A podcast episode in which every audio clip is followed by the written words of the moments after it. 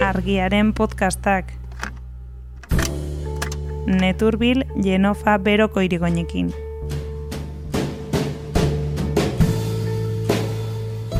Eta bada termino bat hori izenatzeko, dela France Afrik. Eta da pixkat, uh, ala, gordezka uh, diru zikinaren usain zaharekin ba, mantentzen diren olako aheman batzuk mm, ekonomikoak, politikoak, Frantzia eta Afrikaren artean. Eta bologe da horren adibide argienetariko bat.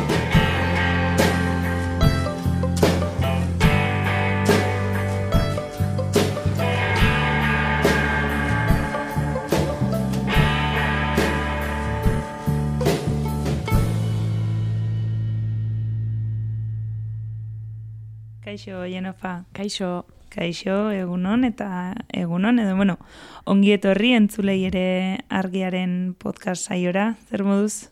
Badoa, ongi, ongi. Badoa, astea aurrera. Hori da. Eta hemen gara, podcasta grabatzen, bi astero egiten dugu bezala zurekin, beste mm bi astea main pello zubiriarekin. E, gaur, pertsonaia, pertsona konkretu baten inguruan hitz egingo dugu, zer esan desente eman duena, nik enuen izena ezagutzen, ziurrenik entzulek ere pentsatzen dut, bueno, bat ematek ezagutuko du, bai, baina ez dakit neuri etzitzaidan ezaguna egiten zuko beto oskatuko duzu. Vincent Bollo, bol, nola esaten da? Bologe. Bologe. bai, bai, bai, bai, Vincent Bologe nor da e, gizon hau, gizon mi, milioi du nau, Hori da. Mm, itzegokiena bere deskribatzeko ejan duzuna, milioi duna, aberatsa, ikaragarria aberatsa, e, frantziako amalau garen pertsona aberatsena, mundu mailan ere gorako katua, bosteunta hogeita emezortzi garena, beraz, ia zazpi miliaretatik ba, goian kokatua, e, biziki-biziki aberatsa eta bere multinazionala, ba hori, eh, bera tratuan ari da, komertzioan, eh, akzioak erosiz bere ganatzen zer nahi kompainia, mm. eta hola, hola handitu du bere, ba, bere aberastasuna. Berez, eh, bologe enpresa hori duela beheun urte sortu zen, beraz aspaldikoa da, baina ez da aspalditik hain potolo. Uh, Bretainiakoa da bologe familia, eta garaian um, papeteria edo paper gintzen, mm -hmm. paperaren industriana bere zitua zen, hortan bakarrik, eta horrekin ari zen haintzina. Eta hola amarkada, zamarkada, eta egia da, mm, mila behatzen eta laro gehi garen amarkada hortan zailtasunetan kausitzen dela enpresa hori, enpresa familia hori eta ba Vincent Bologe, uh, seme, aurrekoen seme horrek, ba komertzu ikasketak ditu eta bideratuko du aldaketa. Bideratuko du aldaketa, ba, dibertsifikatuko du bere bere aktivitatea eta tartean ba erabakiko du Frantzia uh, barkatu Afrikari begira jartzea hmm. eta hango hango gauzak erostea poliki-poliki. Hango enpresak edo, bueno, Enpresak, egan nahi, iru sektoretan da, eh? orduan hor, asteuntako netur bilan ez naiz iruei begira jahi, baina gaur egun uh, egia da bolojek sekulako imperioa duela Afrikan, kontinente hartan, uh, lehen sektorean, hau da laborantzan, badu sekulako jabetza, e, industria loan ere bai, zerbitzuetan ez dakitan beste, bai komunikabideetan, eta gero aipatuko dugu, komunikabideetan, kulturaren ahloan, hor ere akzioen bidez poliki-poliki enpresetara sartu eta gero tiak e, ba, gehiengo hartu eta bere ganatzen ditu. Ba, hola, sekulako boterea du Afrikan eta zehazkiago hor jarri naiz, ba, pixkat gajaio bideai begira. Hori izan da albistea, ez? Bere arlo horietako bat, edo enpresa handi horietako bat, e, saldu egin duela, edo ez dakit ja saldu duen, edo saltzeko den. Saldu du. Saldu, du. Bologe Afrika Logistik izeneko ba, negozioa. Diru kantitate txiki batengatik, saldu du, Hori ez? da, bos mila, bos mila zazpireun milioi euroren truke. Mm, Beretzat agian txikia da, Gu- guretzat eta baita Afrikaren zat ziuraski potoloa da. Eta bai, diru horren truke galdu, eh, saldu du mm, negozio hori, eta negozio hori zehazki zer da, bada portu, trenbide, ubide, biltegi, eh, industriarako logistika eta autobide terminalak, ba olako mul, aberastasun edo ba hori, garraiatzeko infrastruktura multzo bat, ba hori guztia biltzen zuen negozio Mm. horrek eta guztia saldu du bost mila zazpireun milioi euroren truke. Mm. Eta esan dugu, e, pertsona honek e, Afrikan izugarrizko eragina duela. Ora, Afrika esaten dugunean, Afrikako estatu askotan e, kontinenteko berrogeita mabost estatutatik berrogeita zeitan Bai. e, aipatzen duzu nola duen eskua sarturik. Bai, Egit eskua sarturik horrek ze... bai, bai, nahi eta ba, begiratzen duzularik kontinentearen mapa eta bertan diren trenbide, portu, autobide, terminal, eta zehazten bali mauzu zein den bologerena, ba, aski beldurgarria da, zeren ohartzen zira Afrikako mapan eh, ba, bide eta bide eta infrastruktura pajasta bat duela bologek. E, pf, denak ezin dira ipatu, baina mm, estatu askotan da. E, Senegal, Guinea, Sierra Leone, Bolikosta, Liberia, Togo, Kamerun, Gabon, Kongo. Bo, denak ez ditute janen, baina estatu pajasta bat, e, 2000 zazpideun kilometroko burdin bide, hau da behogei bat burdin bide orotara, e, portuak ere behogei pasa, Bera Eta- kontrolatzen ditu. Bai, hori da, hori da kontua, zeren e, bo, jabetza izatea gauza bat da, eta eta olako aberastasun aukatea gauza bat da, deia aipatzekoa dena, eta batez ere mundu untan nuna, nuna aberastasuna injustuki banatua den, baina e, bologek beti badu buru gibelean e, helburu bat, aberasteaz gain da kontrola mantentzea eta begiratzen dugularik zertan inbertitzen duen hori argi gelditzen da. Hor, eh, portuak, trenbideak, eh, autobideak, horiek erosiz eta kontrolatuz, nunbait eh, komertzioa du kontrolatzen, zeren portua berea baldin bada, ba berak erabakiko du zer stokatu portu hortan, eh, zenbat denboraz, nora bideratu, hori guzia bere eskumenetan da. Eta hori interesgarria zaio, zeren ikusten dugularik lehen sektorean hor ere zenbat enpresa dituen bere eskuartean, eta beraz laborantza azken finean, laborantzaren kontrola, ba lehen gai horiek eta elikadura hori portura bideratu, eta azken finean berak erabakiko du nora eta zein eraman, eta hai, estrategikoki eta ba, botere aldetik, sekulako boterea da, Afrikan, adibidez portuak, eh, portuen jabetza, zeren uste dut hor uh, testu batean irakurtzen nuen, Afrikako merkataritzaren euneko larogeita mabia, ordan ez dakitze urtetakoa den, agian orai pixkat gutxo edo pixkat gehiago, baina zenbaki hori da gutxi gora bera, euneko larogeita mabia itxasuntzi, itxaso bidez eh, bideratzen da beste kontinanteetara horrentzat portua kontrolatzen ditu. E, jane, portua kontrolatuz, kontrolatzen duzu Afrikaren komertzio guzia. Mm, Eta hortan gira.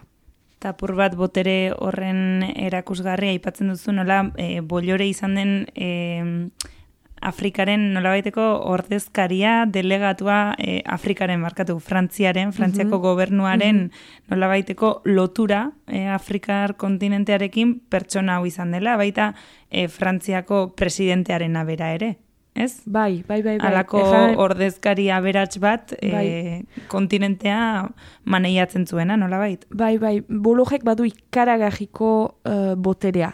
E, janai, ziuraski zuke jaiten zinuena, entzuleetan behar bada pajasta batek ez du ezagutuko, baina pentsatzen dut ipajaldeko entzuleetan jendeak ezagutzen duela, zeren alaik, e, aberatsa da eta berak behar bada gero aipatuko dugu, baina komunikabide guziak kontrolatzen ditu frantzian, guziak ez, baina ia guztiak mm, ahitzekoa da, eta beraz jendeak ezagutzen du. Eta bai, bologe ezaguna da, Afrikan ezaguna da, mm, presidenten laguna da, enpresa buruen laguna da, boteredun guztiak ezagutzen dute bologe, eta frantzian gauza bera, uh, gobernuko kideak ezagutzen dute bologe.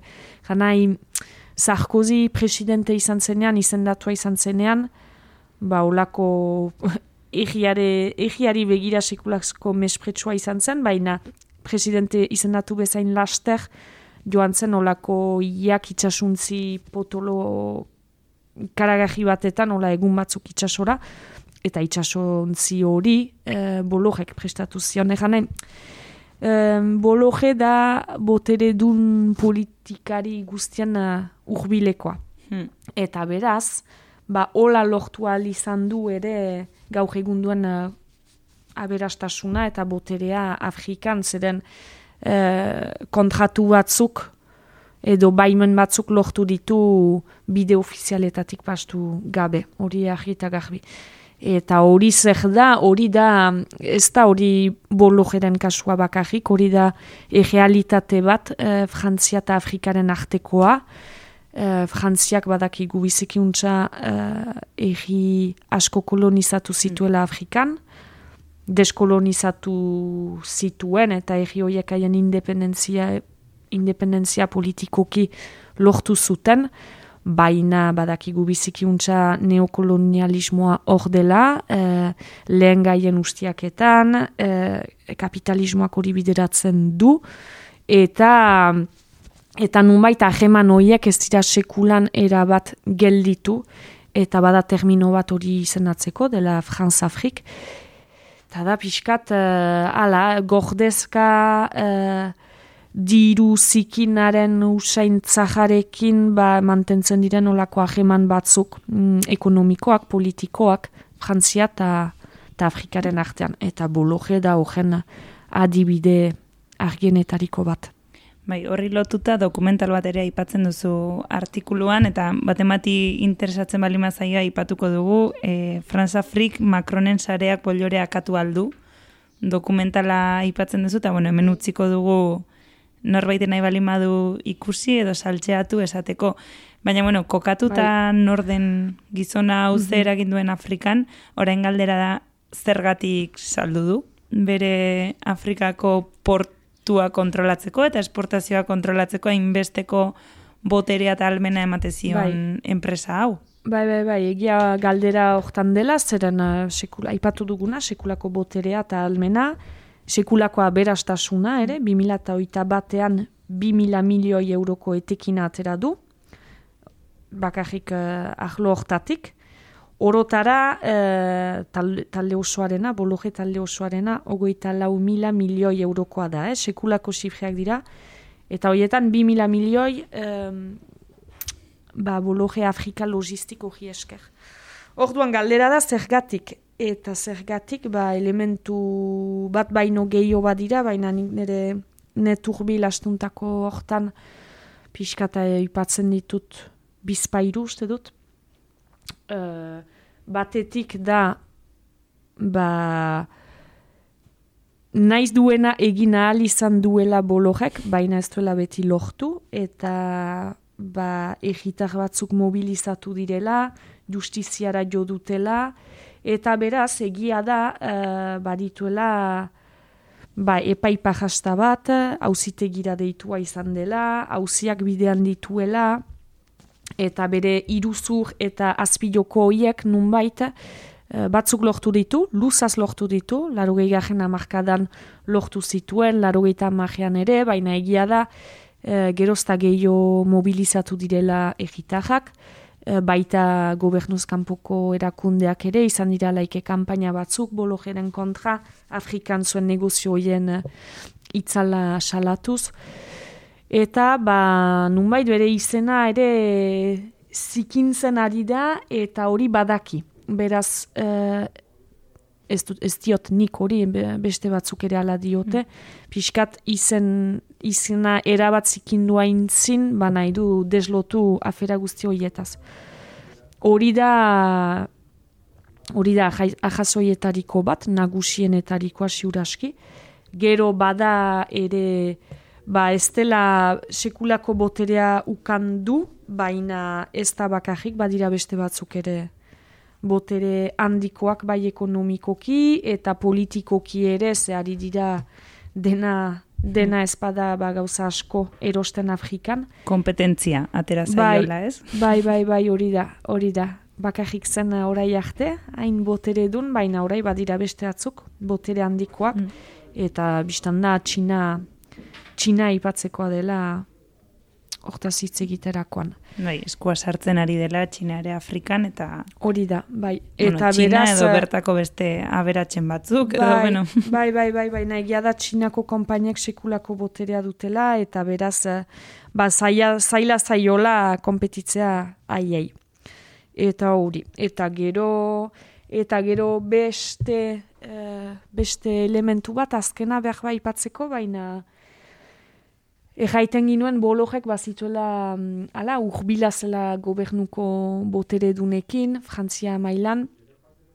Eta hori egia da, baina badirudi e, beste bat badela eta itzala egiten diona. Eta da e, Alexis Koller deitzen da, Eliseo edo gobernuko idazkari nagusi dena.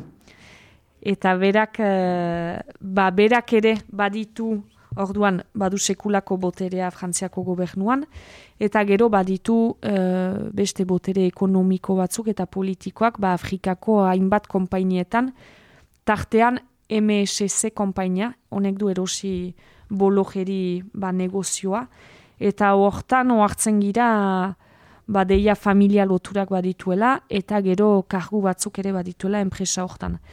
Beraz, pentsatzekoa da, uh, gobernuan zuen, uh, ba hori, ate guztiak idekia baldin bazituen orai arte bolorek, ba gaur egun batzuk itxia dituela, eta hori ere sentitzen duela, eta beraz hau izan daiteke elementu bat ere esplikatzeko hori. Bai, pixkat bere negozionen salmentak baduela estrategikotik eta bere bere burua salbatzetik, ez? Bai, eta bai, esan dugu bai, bai. guretzat hainbesteko kantitatea dena bai. ziurrenik beretzat ez da hainbesteko galera izango. Ta bestetik, eh, lehen aipatu dituzu, epaiketa batzuk badituela, eh, bueno, esango dugu, bat duela gertu, eta beste batzuk ere bai, ez bakarri portuen kontrolean, esportazioen kontrolean, Afrikako politikarien kanpainetan eta Eta, bueno, autagaitzetan muturra sartuta aholkulari, bueno, bai. aholkularitza enpresak edo alako arlo horretan ere izan du, izan du zer esana, ez? Eta horrek niri bintzat atentzioa deitu dit gauza bat portuena delako, baina beste aia e, Afrikako politikan ere e, nabarmenki sartu duela eskua. Bai, bai, bai, bai, eta funtsian uh, urgentzat epaituko dute, laizter, bera saiatu da epaiketa saiesten, e, ejanez ejudun zela eta ama bi milioi euroko isuna ordaintzeko pres zela. Baina hori legala da, eh, da bide judizial bat. Hmm. Beraz, ejuduntasuna itortu eta ama bi milioi euroko isuna ordaintzeko pres zela ejan. Baina epaileak eh, ez zio nartu bide hori leporatutakoaren lagitasuna dela eta. Orduan konkretuki bai, zuka ipatu zuna, bi egitan, uh, bi egiei lotua da afera hori. Gineako lendakari oia izandako Alfa Konde eta Togoko presidente, presidentea den uh, gaur egun for, ma, nik ere hori izena ez dut ongi hauzkatuko siuraski, Gnasinbek, Eh, ba hori, bai. haien kanpainak... Eh, Ira, irakurri dezala jakin nahi duen. Hori bera. Eh, kanpainak ba hori, mm, bideratu, aholkatu dizkie, eta ez, ba hori, presio bat egin die, piskat lagunen arteko presio bat, baina ez ola lagunak direlako eta deuseren truke, baizik eta konakriko eta lomeko portuen gestioak lortzeko. Beraz, ara, mm, nik egingo izut zure kanpaina, pagatu pixkat eta baina sustut eman uh, ba, bi portu horiek. hori gertatu da, eta hori da nunbait epaituko, hmm. zeren batetik estatuen buru jabetza kaltetzeagatik, eta ba, ordenu publiko eta ekonomikoan nahasmenduak eragiteagatik edo iruzuk, iruzuk gatik. Hmm.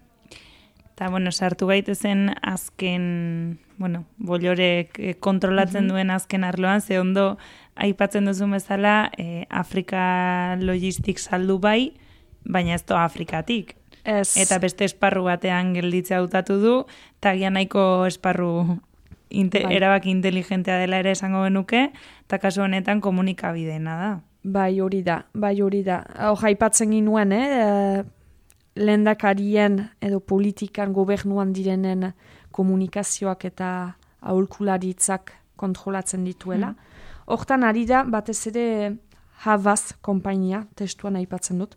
Hortan uh, berezitua da eta Havaz ba, bologeren eskutan da. Uh, kompainia horrez gain baditu beste batzuk. Canal Plus, Multijoyce, hori guztiak Afrikan, eta badirudi uh, hortan berezitu nahi duela, nahi du Afrikako bauri, nahi ditu Afrikako komunikabideak kontrolatu, uh, eta nunbai da ba, itza eta gogoeta kontrolatzea. Lehen erraiten nuen bezala garraio bideak kontrolatuz, ba, nunbait Afrikaren komertzioa kontrolatzen zuela, ba, komunikabideak kontrolatuz, uh, Afrikako egitaren gogoeta eta ideiak kontrolatzen ditu. Hmm. Eta ze hola berak bideratzen du zer ejan daitekean eta zer ez den ejanen. Beraz, hortan gira.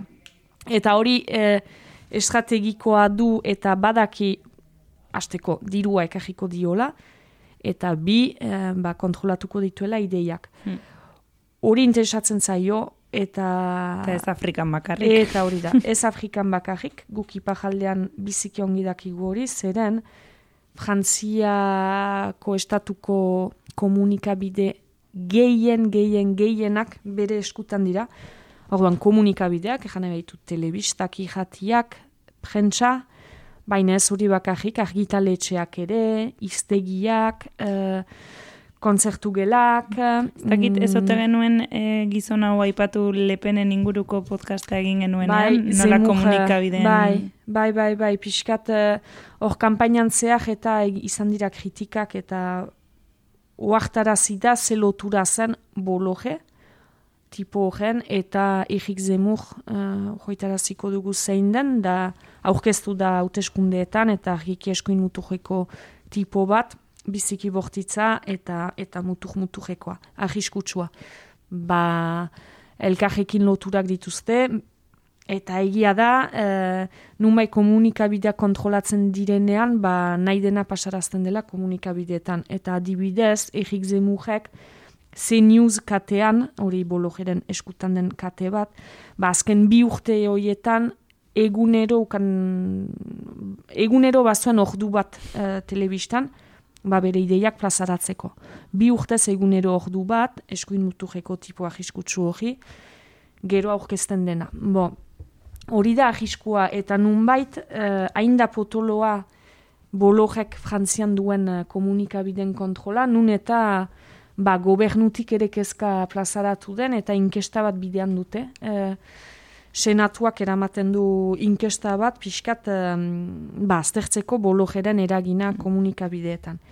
Eta, eta oartarazteko handitasunaz eh, ikerketa judizialogen baitan, mm, urtahilean hitza hartu zuten beraz Frantziako senatuan eta David Azulin dela ikerketa horren uh, txostengilea. Ba, berak zehendatu zituen, beraz, bolojek dituen komunikabide eta eta argitaletxe eta ihati eta telebista eta guztiak, eta zehendak sei minutuz iraun zuen beraz oartzeko pixkat ze bai, ez, dimentsioa... zenbat, zenbat, uh, zenbat gauza kontrolatzen dituen tipu horrek, hmm. bolo horrek, ahitzekoa da. Eta beraz ara, frantzian lortua du, egoera kezkagarria da biziki, zeren horrek egan nahi du gogoeta atzeko eta dierazpen askatasunean ba eraginak dituela, dudagabe, pentsa, pentsa era bakar bat bideratzen da, komunikabide guztiak tipo beraren eskutan badira, tipo horren gogo eta da zabaltzen, bakarrik, uh, eta kazetari asko bakezkatua dira frantzian orokorki, eta badirudi, ba bide hori nahi duela garatu Afrikan ere. Eta ikusten denean ze, ze tratu dituen Afrikan, ba, pentsatzen dut badakiela zer egin. Batez ere azken urteetan, uh, azken urteetan gerozta gehiago zikindua da bere izena, beraz nunbait kon, uh, komunikabideak kontrolatzea da hori isilaraztea ere. Eta Bai. bera, dena badakitip horrek. Fe, abila da, bai Hmm. diru aiteko eta bai, uh, bai aintzina Baizik, izan behar duzu abila bietan, ez? Ez diru egiten bakarrik, baizik, estrategia komunikatiboa prestatzen ere, horrek emango liguke beste bai, podcast bai. saio baterako, beste artikulu baterako, ez? Komunikabideen kontrola e, Bai. multinazionalek nola nola erabiltzen dituzten gu, gu erabiltzeko eta ze Erabat. zirkulo sortzen bai, den bai, hor. Erabat, bai, bai, bada, bada gaia. Ba, hurrengorako utziko da dugu ondo iruditzen bazaizu ez, ja, sei minutu baino gehiago beharko genituzke Bai. guk, hori hori azaltzeko, eta hemendik bi astera beste zerbaitekin etorriko zara. Hori da, Ondo segi. dakitzerekin, maina etorriko naiz berriz. Hori da jenefa. Mila Agur. esker, jaio.